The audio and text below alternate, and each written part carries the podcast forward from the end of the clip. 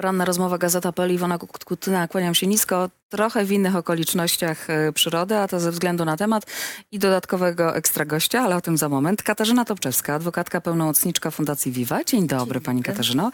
E, I Paweł Geber, Fundacja Psia Krew Animal Helper. Dzień dobry Panie Pawle, witamy bardzo serdecznie. Dzień dobry. No otóż obok mnie moja psurka, jak ja to mówię, czyli płotka i dlatego, i dlatego siedzimy sobie na kanapach, żeby tu mogła być z nami. E, Spotykamy się w takim gronie, żeby porozmawiać właśnie na temat e, aplikacji Animal Helper, e, a przy okazji na temat praw nie tylko psów, ale w ogóle e, zwierząt. Przed chwilą mogli Państwo zobaczyć e, taką zajawkę, która pokazuje, na czym ta aplikacja polega. Pani Katarzyno, pozwoli Pani, że od Pana Pawła zacznę. Panie Pawle, no właśnie, skąd pomysł i po co w ogóle e, taka aplikacja? Pomysł poszedł za gigantyczną potrzebą. No, nie mieliśmy dotąd wątpliwości, że e, jest potrzebny jakiś rewolucyjny pomysł, który zmieni los zwierząt w naszym kraju. I aplikacja, mam nadzieję, to właśnie e, wprowadza, gdyż jest to e, swoiste centrum powiadamiania ratunkowego dla zwierząt. Tak jak numer 112 jest przeznaczone dla ludzi, tak aplikacja Animal Helper jest przeznaczona dla zwierząt. Czyli w każdym przypadku, gdy zwierzęciu należy udzielić ratunku, pomocy, w takiej sytuacji wystarczy kliknąć kilka razy na ekranie telefonu, by by zgłoszenie dotarło do operatora, który przetworzy i przekieruje to zgłoszenie do e, najlepszej jednostki reagowania, która podejmie się zgłoszenia i pojedzie na miejsce. E, I tak sobie myślę, że okazuje się, że ta aplikacja e, wychodzi naprzeciw oczekiwaniu nas, Polaków, e, bardzo wielu osób, bo z tego co widziałam, na razie testowo e, w Pomorskiem tylko, ale tam w ciągu pierwszych kilku dni działalności bardzo wiele zgłoszeń było. Tak, na tę chwilę już mamy blisko pół tysiąca zgłoszeń. Samych pobrań aplikacji już jest w okolicach 33 tysięcy, także zapotrzebowanie, jak widać, jest faktycznie bardzo duże. A jak już pani redaktor wspomniała, właśnie pilotażowo uruchomiliśmy aplikację tylko i wyłącznie w województwie pomorskim. No i mam nadzieję, że jak najszybciej uda się rozszerzyć e, działalność na kolejne regiony kraju. Pani Katarzyno, mm, jak pani ocenia tego typu aplikacje? Bo to, to też tak sobie myślę, że mm, może ona pomóc tym, którzy nie wiedzą za bardzo, co zrobić w różnych sytuacjach. No bo tak jak pan Paweł wspomniał, to jest aplikacja, która pomagać ma zwierzętom, różnym zwierzętom, nie tylko psiakom, w różnych sytuacjach. A często jest tak, że jak nie wiem, zobaczymy na poboczu jakiegoś psiaka, nie wiemy, co z tym zrobić, więc trochę tak odpowiedzialność zrzucamy i, i odjeżdżamy i nie robimy nic. Tak, jest to aplikacja na pewno potrzebna. Y, W ogóle, tak jak patrzę mm, po swojej praktyce, to trochę mam wrażenie, że organizacje społeczne, wolontariusze wyręczają nasze państwo w ratowaniu zwierząt. Y, I tutaj też gdzieś tam ta aplikacja będzie bardzo mocno wspierać y, nasze służby. Bo często jest tak, że policja, owszem, przyjeżdża na przykład na miejsce zdarzenia, ale nie podejmuje prawidłowo interwencji. Policjanci mówią, że nie znają się, nie wiedzą, odjeżdżają, a nie każdy ma czas, aby tam stać i czekać, aż patrol przyjedzie, aż załatwi sprawę. W związku z tym to jest bardzo potrzebne, żeby to było skoordynowane, żeby żadne zgłoszenie nie zaginęło i żeby sprawa została załatwiona do końca przede wszystkim. Co najważniejsze, żeby cierpiące zwierzę dostało pomoc. Tak, bo my często właśnie nie wiemy w takiej sytuacji, co zrobić i do kogo się zwrócić, prawda? Nawet jeżeli no zdarzy się taka sytuacja, że jadąc samochodem, nie wiem, potrącimy albo takie zwierzę, tak jak mówię, znajdziemy na poboczu, albo jesteśmy świadkami jakiejś przemocy, to, to, to nie wiemy, gdzie dzwonić tak naprawdę. Do końca chyba...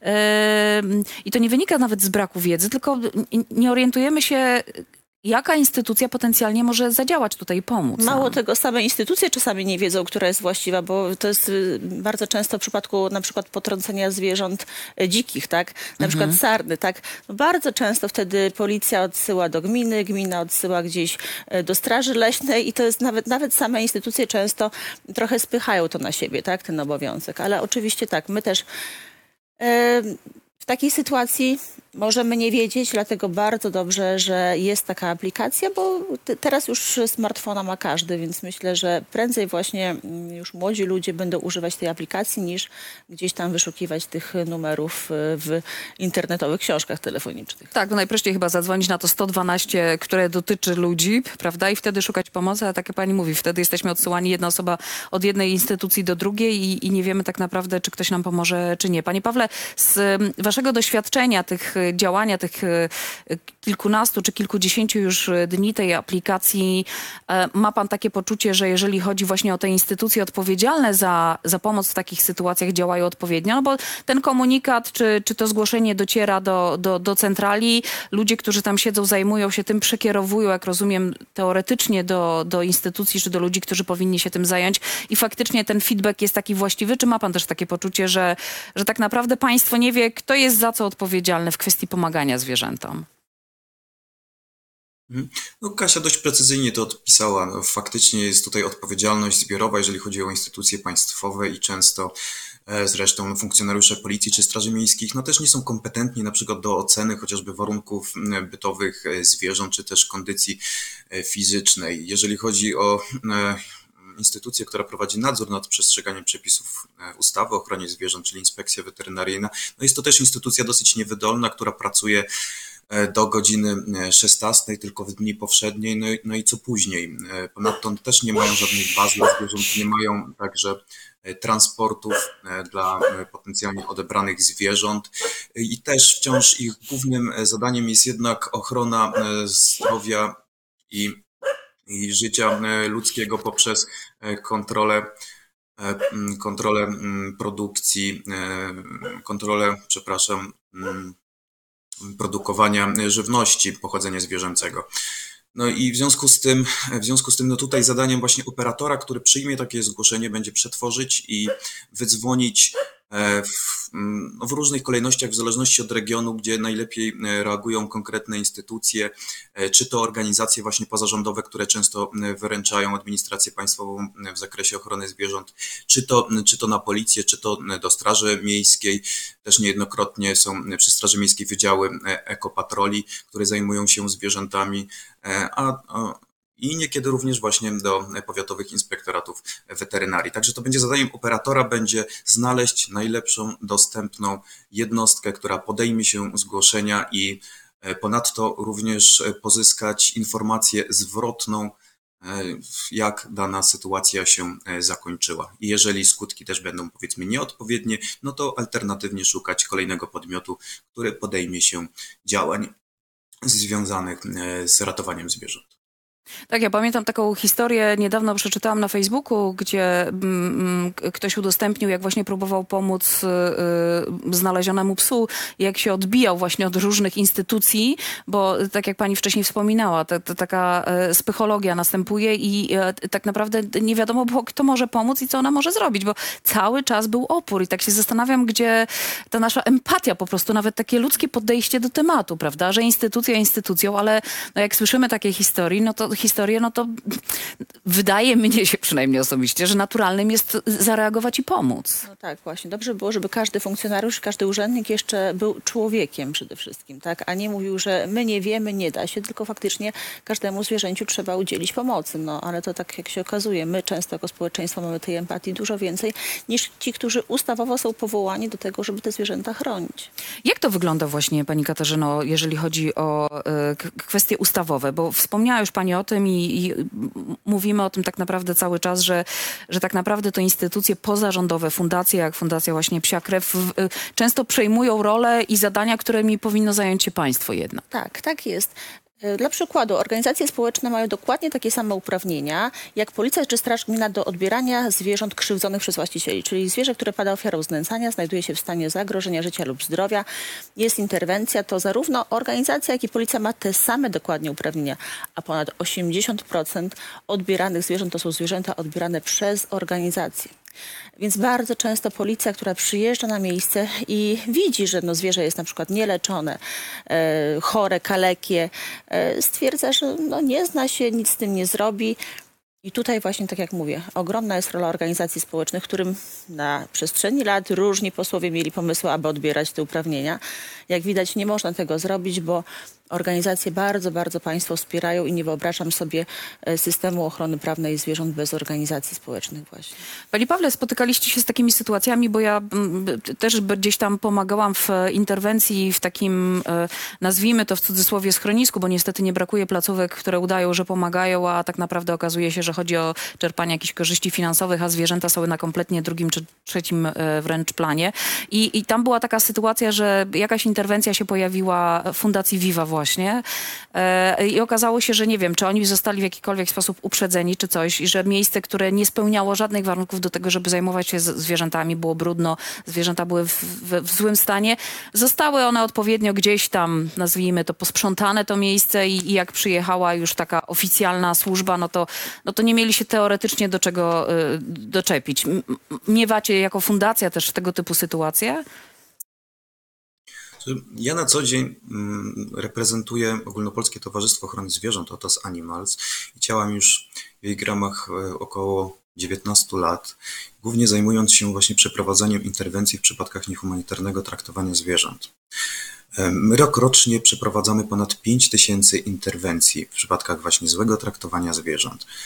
Mm, Ponadto proszę sobie wyobrazić, że nawet rokrocznie doprowadzamy do około 2000 odbiorów od osób, które niehumanitarnie traktują swoich podopiecznych. Także jest to gigantyczna ilość. E, Jesteśmy stale potrzebni. Mm, Codziennie nasze patrole wyjeżdżają i ratują kolejne zwierzęta, także takich przypadków jest naprawdę całe mnóstwo. Pani Katarzyno, jak to wygląda z Pani perspektywy?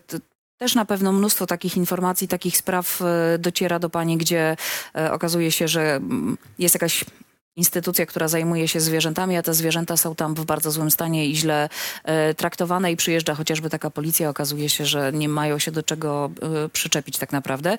I co wtedy potencjalnie można zrobić? No bo oni zostają sobie dalej z tymi zwierzętami, one są traktowane jak są e, oddolne inicjatywy, fundacje i tak dalej, wiedzą co tam się dzieje, ale taki konstans panuje i nikt nic nie robi, szczerze Czy ja mówiąc. się bardzo często nie zgadzam ze stanowiskiem policji. Też biorę udział w interwencjach i często nasza ocena jest odmienna.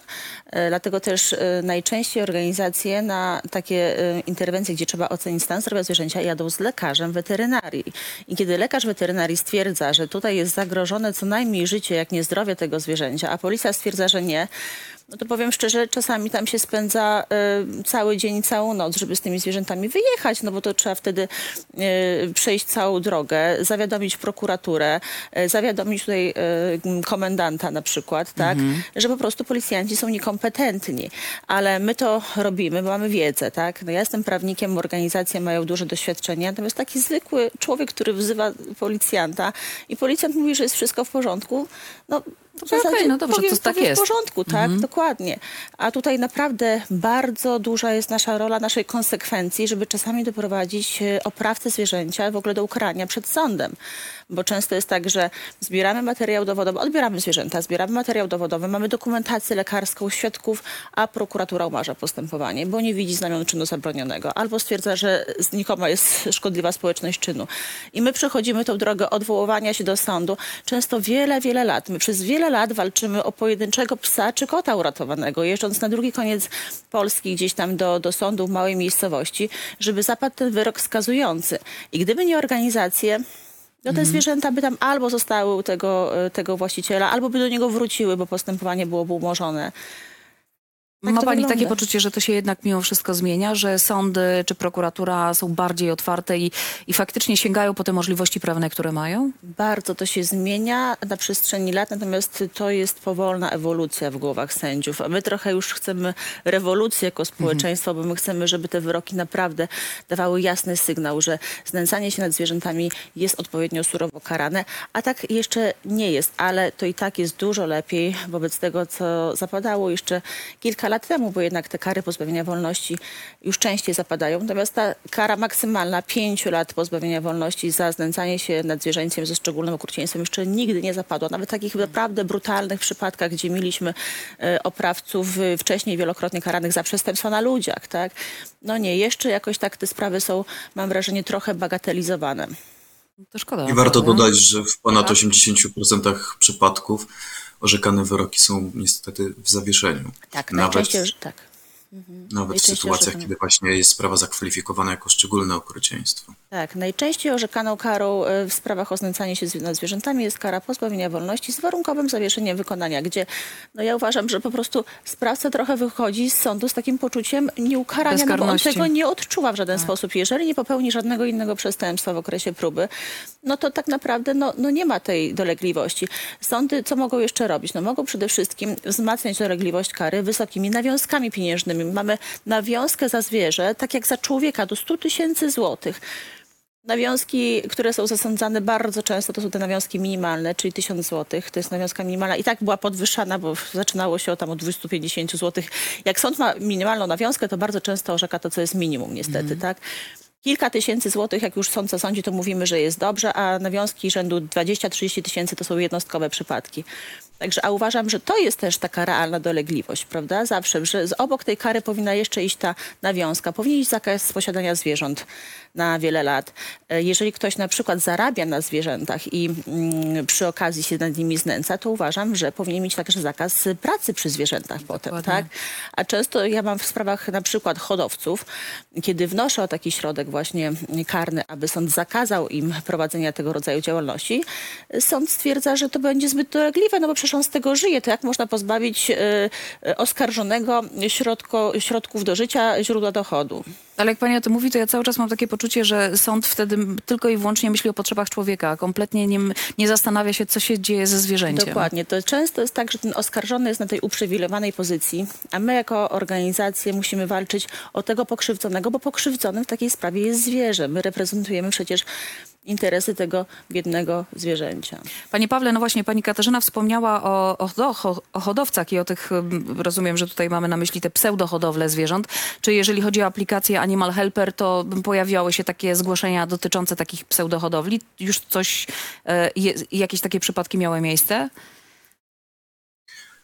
Z tego co mi wiadomo, jeszcze nie. Mm, Możliwe, że niektóre dotyczyły hodowli, które wystawiają zwierzęcia za pośrednictwem e, internetowych portali aukcyjnych, ale które są bardzo ciężkie do weryfikacji, ponieważ podane są tam zazwyczaj tylko numery telefonów do hodowców, którzy je bardzo często e, zmieniają. E, Nie ma żadnych adresów.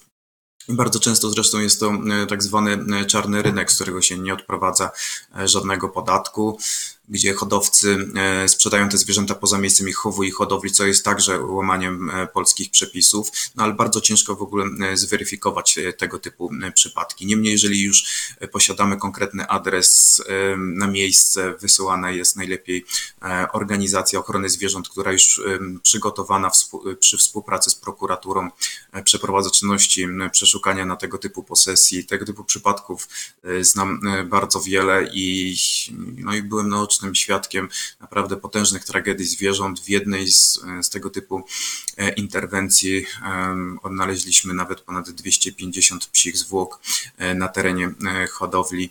Odebraliśmy wówczas w okolicach 150 e, zwierząt. No i odbyło się to już w okolicach 5 lat temu i do tej pory postępowanie karne jest w toku, a, a niestety sprawcy tej sytuacji nadal cieszą się wolnością. To jest niewiarygodne, że tyle czasu minęło, prawda? E, Jest e, wszystko, znaczy inaczej, są dowody, nie ma tutaj jakiejś, rozumiem, opcji pod tytułem domyślamy się, co się mogło tam wydarzyć, no bo byli świadkowie, wszystko widzieli, e, a państwo? Ja powiem tak, moja najdłuższa sprawa, jaką prowadzę do tej pory, o 20 koni zagłodzonych, trwa od 12 lat. Od 12 lat, także takie mamy polskie realia, że te sprawy się tak ciągną. A w przypadku, kiedy, tak jak pani wcześniej mówiła, takich pojedynczych e, historii e, zwierząt i nawet jeżeli to trwa, nie wiem, dwa, trzy lata, to co się dzieje w tym czasie? Te zwierzęta są odbierane najczęściej?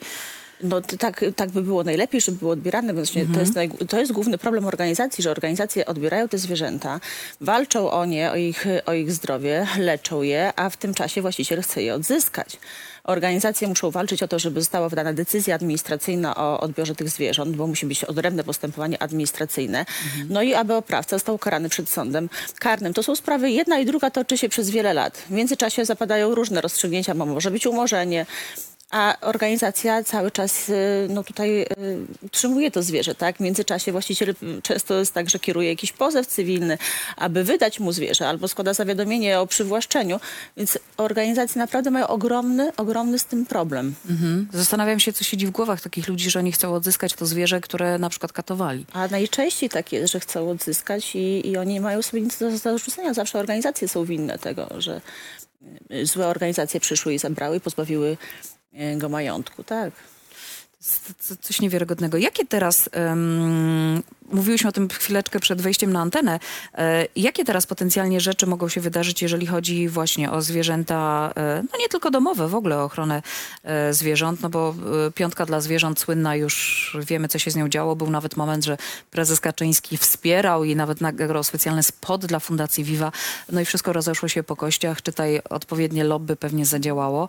E, I na jakim teraz etapie jesteśmy? No bo za chwilę najprawdopodobniej nowy rząd i czy liczy pani na to, że coś tutaj się zmieni? Bardzo na to liczę. Bardzo na to liczę, tym bardziej, że myślę, że y, zwierzoluby jednak głosowały na aktualną opozycję, ponieważ Prawo i Sprawiedliwość już nam pokazało, gdzie ma zwierzęta. Konfederacja to już w ogóle to jest partia, która jest przeciwko zwierzętom i która uwielbia przemysł futrzarski. W związku z tym my mamy teraz ogromne nadzieje w tym nowym rządzie i jest bardzo wiele palących y, tematów, którymi nowy rząd powinien się zająć. Na pewno trzeba jak najszybciej spuścić psy z łańcuchów. Trzeba zrobić porządek z tymi pseudohodowlami, bo to jest naprawdę zmora. To, co Paweł mówił, tak, to są zwierzęta, które są gdzieś często rozmnażane w szopach, w piwnicach, y, traktowane po prostu jak maszynki do zarabiania pieniędzy w tragicznych warunkach. E, Więc z tym trzeba zrobić absolutny porządek, bo to jest ogromna skala. E, Na pewno będziemy walczyć o e, zakaz hodowli zwierząt na futra i jutro o 13 jest manifestacja pod Sejmem, także zapraszam każdego. E, Mam nadzieję, że uda się także wywalczyć zakaz uboju rytualnego. Na pewno trzeba wprowadzić jak najszybciej powszechny obowiązek czipowania zwierząt, bo to są środki, które płyną z budżetu na opiekę nad bezdomnymi zwierzętami. To są środki wydatkowane naprawdę nieadekwatnie. Gdybyśmy wszyscy ponosili jako właściciele e, odpowiedzialność za nasze zagubione zwierzęta, to i im byłoby lepiej i, i byłoby więcej tych środków na ochronę tych zwierząt, które tego potrzebują. No i uszczelnienie tego całego systemu opieki nad zwierzętami. Także, także zrobienie porządku ze schroniskami. Oj, dużo, dużo roboty przed Bardzo wami. dużo, bardzo Mam dużo. nadzieję, że wszystko uda się wprowadzić. A proszę powiedzieć, co jeszcze robić w przypadku, kiedy jeszcze nie mamy dostępu do aplikacji Animal Helper, bo tak jak pan Paweł mówił, na razie to tylko pomorskie i czekam, ja na przykład osobiście z nie- niecierpliwością, aż pojawi się e, w całym kraju. Teoretycznie, co w momencie, kiedy widzimy sytuację, która nam się nie podoba, nawet chociażby, nie wiem, złego traktowania przez właściciela, bo często chodząc z nią na spacery, mam takie poczucie, może subiektywne mniej lub bardziej, że ten pies nie jest traktowany tak, jak według mnie powinien być. Co my wtedy możemy zrobić tak naprawdę? Żeby ktoś zadziałał. Na pewno, na pewno y, zbierajmy te dowody. Jeżeli widzi, jesteśmy świadkiem jakiejś sytuacji, od razu wyjmijmy ten telefon, nagrajmy film, zróbmy zdjęcia, wezwijmy policję. I jeżeli mamy taką możliwość, najlepiej poczekać, aż ta policja przyjedzie, y, żeby zobaczyć, jak policja załatwi tę sprawę. Policja zapewne przyjedzie, będzie sporządzać notatkę, w związku z tym będzie potrzebować naszych danych. To będzie wymagało od nas troszeczkę czasu i zaangażowania, ale e, naprawdę warto. Jeżeli spotkamy się z jakimś oporem ze strony policji, a tutaj, no, jeżeli nie mamy możliwości skorzystania z aplikacji, no bo ta aplikacja jeszcze w ogóle nie działa w całej Polsce, tak? Tak. Ale mam nadzieję, że będzie działać. e, Zawsze możemy e, poprosić o wsparcie lokalną organizację społeczną. Warto sprawdzić, jaka jest. Warto sprawdzić, jaka jest i się z nimi skontaktować. Tak. Panie Pawle, to kiedy y, w całej Polsce będziecie, tak żeby wspierać zwierzaki? Jak najszybciej, no zależy to przede wszystkim od budżetu, który na tę chwilę jest bardzo ograniczony, ponieważ jest to projekt totalnie niekomercyjny. Także musimy liczyć tutaj na datki ludzi dobrej woli, e, żeby e, rozszerzyć e, działalność na resztę kraju. Natomiast tylko też uzupełnię, że e, w- aplikacja też umożliwia właśnie pozyskiwanie tych materiałów dowodowych, gdyż automatycznie w trakcie korzystania z programu mamy możliwość robienia zdjęć, filmików, a także e, zaznaczania e, dokładnej e, lokalizacji za pośrednictwem GPS. Także, e, także uważam, że jakby pełen pakiet tych informacji, które pobierze e, aplikacja od osoby zgłaszającej, e, to jest jakby właśnie ten pełen pakiet, który również potrzebują e, e, organy ścigania do skutecznego wszczęcia e, dochodzenia przeciwko osobom, które na przykład je niehumanitarnie e, traktują. Ponadto oprócz tego typu przypadków umożliwia ona różne, e, ro, mm, przyjmowanie ró- e, różnych rodzajów zdarzeń, czyli między innymi też właśnie zdarzenia drogowe z udziałem e, zwierząt, czy też no, tak naprawdę każdy inny przypadek zwierzęcia, któremu należy udzielić pomocy. Tak jest. Wszystkich e, zachęcamy. O właśnie, to był ten moment uruchomienia e, aplikacji Animal Helper. Ja czekam z niecierpliwością, myślę nie tylko ja, aż e, będzie dostępna w e, całym kraju, bo ta pomoc i to wsparcie dla zwierzaków jest absolutnie niezbędna. E, No i też nam Tak, pomoże, mamy jeżeli wspaniały, właśnie... mamy, tak? wspaniały, mamy wspaniały, zdeterminowany, zmotywowany zespół, który jestem przekonany doprowadzi do tego, że naszym zwierzętom po prostu będzie w najbliższych latach coraz to lepiej i uratujemy naprawdę tysiące zwierząt za pośrednictwem również organizacji pozarządowych, których statutowym celem działania jest ochrona zwierząt. Tak jest, absolutnie się pod tym podpisuję. Bardzo serdecznie dziękuję Państwu za to spotkanie. Katarzyna Dobczewska, Paweł Geber byli dzisiaj razem z nami. Bardzo Dziękujemy dziękuję, bardzo. miłego dnia. Państwu e, również e, dziękujemy, polecamy się. Poranna rozmowa jutro o 8.30 z Płotką, która trochę pohałasowała tutaj dzisiaj. Ale generalnie była grzeczna, tak? No tak, brzuchol wywalamy. Dziękujemy pięknie.